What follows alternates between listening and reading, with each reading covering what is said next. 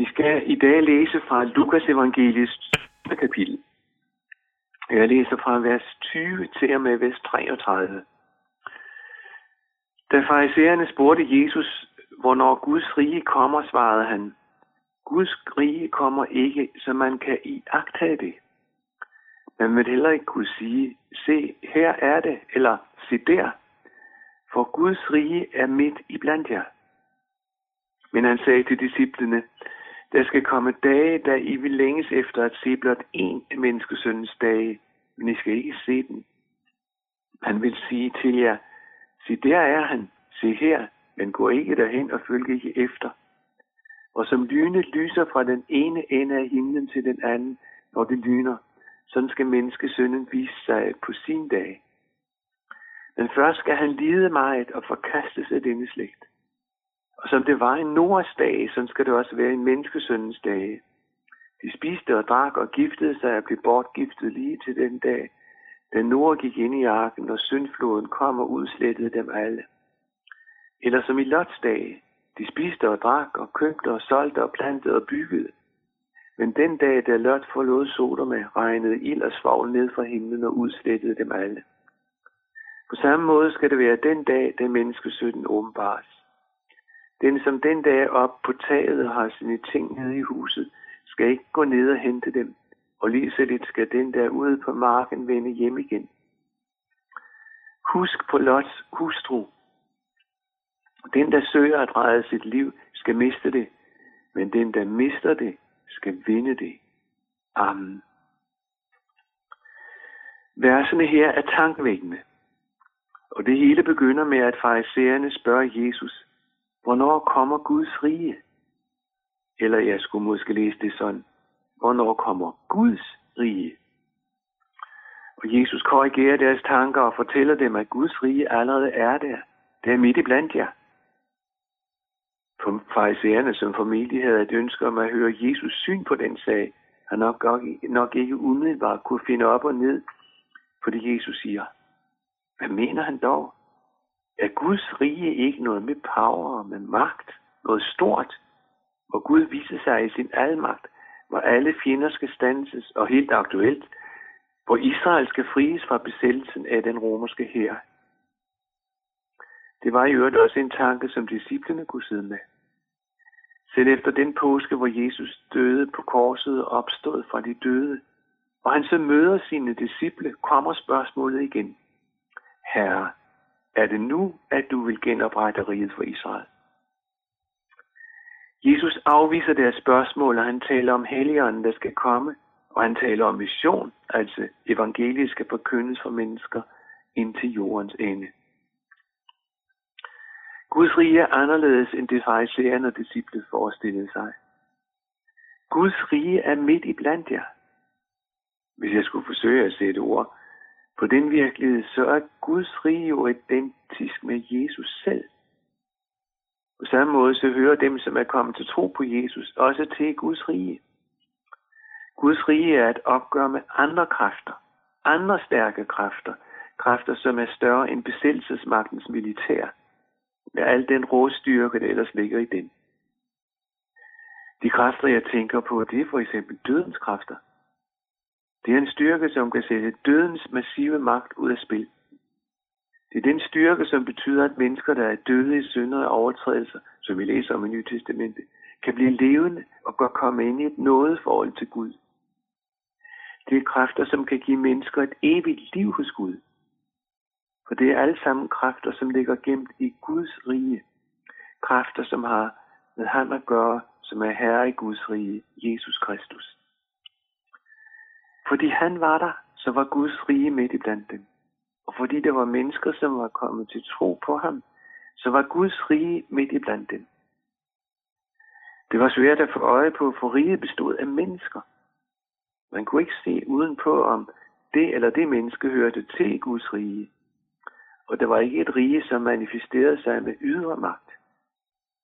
Husker du, af den anklage, som romerne rettede mod Jesus, da det lå ham korsvestet, den skrev de på det skilt, Jesus skulle bære ud til Golgata. Jesus, jødernes konge. Den tekst skyldes formentlig det, der skete i forhøret kort før Jesus blev domfældt. Pilatus, ham der var besættelsesmagtens leder, spurgte Jesus, er du jødernes konge? Jesus svarede ham ved at spørge den anden vej, om det spørgsmål var noget, han selv havde fundet på, eller var det fordi andre havde sagt det om Jesus. Og forhøret fortsætter på den måde, at Pilatus spørger, hvad har du gjort? Anklagerne mod Jesus var så skingre, så han kunne ikke finde ud af det hele. Og så siger Jesus til ham, mit rige er ikke af denne verden.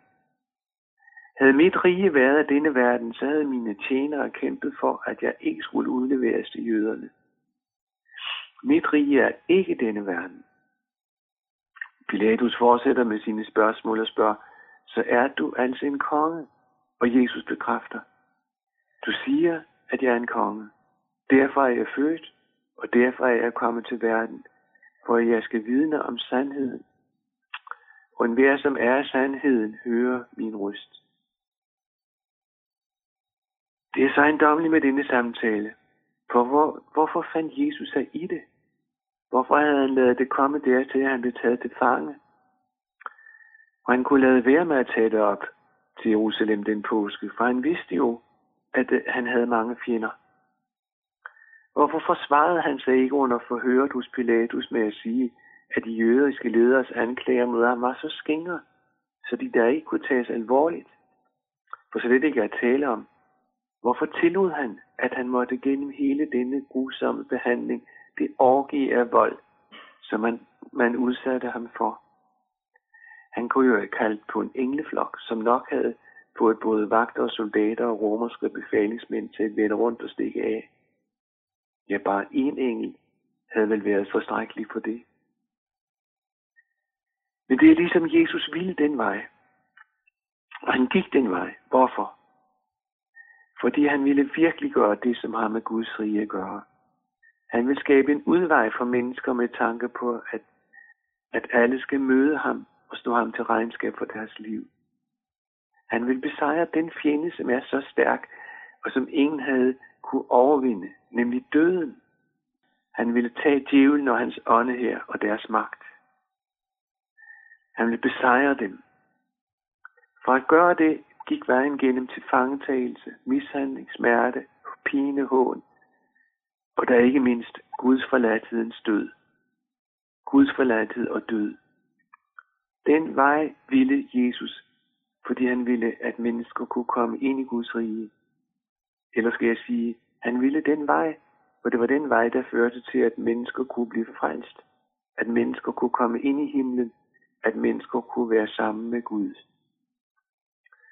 Profeten skrev om det 600 år før Jesus virkelig gjorde denne sag. Og prøv at høre. Men det var vores sygdomme, han tog. Det var vores lidelser, han bar og vi regnede ham for en, der var ramt og slået og plaget af Gud. Men han blev gennemborget for vores overtrædelser og knust for vores synder. Han blev straffet for, at vi kunne få fred. Ved hans sår blev vi helbredt. Vi flakkede om, som for vi vendte os hver sin vej, men Herren lod al vores skyld ramme ham. Han blev plaget og mishandlet, men han åbnede ikke sin mund som et lam, der føres til slagtning, som et får, der er stumt, når det klippes, åbnede han ikke sin mund. Fra fængsel og dom blev han taget bort, og hvem tænkte på hans slægt, da han blev revet bort fra de levendes land? På mit folks synd blev han ramt. Og videre læser vi, når hans liv er bragt som skyldoffer, og lidt længere frem i det samme kapitel, Herrens vilje skal lykkes ved ham. Min tjener bringer retfærdighed til de mange, og han bærer på deres synd. Han bar de mange synd og trådte i stedet for syndere. Så langt profetien fra Isaias. Jesus vidste altså, at denne profeti, som også der lever i dag, og som kan se tilbage på de historiske sandheder, hvor han så tydeligt aftegnes. Jesus vidste, inden han kom, at det var ham, der var skrevet om. Det var ham, der skulle gennem de lidelser. Det var ham, der skulle skaffe os fred med Gud. Det var ham, som skulle bære vores synd. Det var ham, Herren ville ramme med vores skyld. Alt det vidste Jesus. Og alligevel kom han, himlens kongesøn, for at skabe et rige og en virkelighed, hvor mennesker skulle kunne få det godt med Gud, hvor mennesker skulle kunne eje fred med Gud, og hvor mennesker, når de forlader denne jord, skal være sammen med ham i evighed i himlen. Og selvom Jesus vidste det, så undslog han sig ikke. Guds rige kom nær, og Guds rige med en grundvold, som ingen kan rokke, blev en virkelighed gennem det, Jesus gjorde. Det er ikke et rige, der er identisk med en kirkeordning eller med et missionshus, men et rige, hvor mennesker, der tror på Jesus, har et fællesskab, og hvor de kan samles, de kan bede sammen, de kan lovprise og ophøje kongen. Et usynligt rige, som alligevel træder synligt frem, der hvor mennesker samles i Jesu navn. Også et rige, hvor han selv har lovet at komme, når mennesker samles i hans navn. Så taler Jesus om en yderligere virkelighed med dette rige. For en dag skal det dette rige træde tydeligt frem. Det skal ikke længere være usynligt. Det skal heller ikke være et rige, som der ikke er magt bag.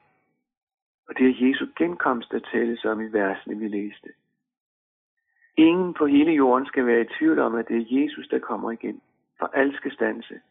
Og der skal det være dom. Og Gud vil dømme mennesker. Alle skal stå til regnskab for det liv, de har levet. Og når Jesus kommer, er det for sent at lave noget om. Vi læste i bibelversene til at begynde med, at mennesker, som har sine ting et andet sted end det sted, hvor de er, når menneskesøndens dag er inde, ja, de mennesker skal ikke gå efter deres ting, for de ting har ingen betydning længere. Der kommer til at blive en helt anden dagsorden, som ændrer alt. Dem, som hører til i Guds rige, altså dem, som lever i troens fællesskab med Jesus, de skal opleve, at det rige skal folde sig ud. Og så skal de være sammen med Jesus altid. For ikke længe siden var vi en tur i Sverige. Vi sejlede skulle over øh, Øresund med en færge fra Helsingør. Og vi havde vores pas med. Og det viste sig at være nødvendigt for at komme til Sverige. Man skulle se vores pas, og de blev kontrolleret. Havde vi ikke haft det, var vi ikke kommet ind i Sverige. Men vores pas bekræftede, at vi er danskere. Vi hører til i Danmark, i det rige. Jeg ved ikke, om du har et pas, og det er naturligvis heller ikke nødvendigt for at høre til i Danmark. Man kan høre til uden at have passet. Men at være statsborger her i landet, det er jo vigtigt. Men det der med at høre til i Guds rige, gør du også det. Det er vigtigt med tanke på, at en dag er, er, er det, det hele slut her på jorden. Er livet slut her på jorden. Vores liv slutter enten ved, at vi dør, eller ved, at Jesus kommer igen. Menneskesøndens dag, som vi læste, eller Guds rige træder tydeligt frem. Paulus skriver til de kristne i Filippi, Vort borgerskab er i himlene. Derfra venter vi også Herren Jesus Kristus som frelser. At, vi, at have borgerskab i himlen og høre til Guds rige, det er samme sag. Og jeg må spørge dig, kunne du ikke tænke dig at komme ind i Guds rige? Være med der, hvor have borgersamfund der. Der er plads i Guds rige til dig. Det Jesus gjorde, det vi talte om før, den måde han stadfæstede Guds rige på korset, det gjorde han for dig. Jeg kender dig måske ikke, og du kender måske heller ikke mig. Men Jesus kender dig, og han siger til dig, jeg vandt en plads i Guds rige til dig. Du må have lov til at regne dig som borger i Guds rige, for jeg har betalt for en plads til dig der. Ved du hvad? Det må du have lov til at tro, og Gud vil sige dig til det. Amen.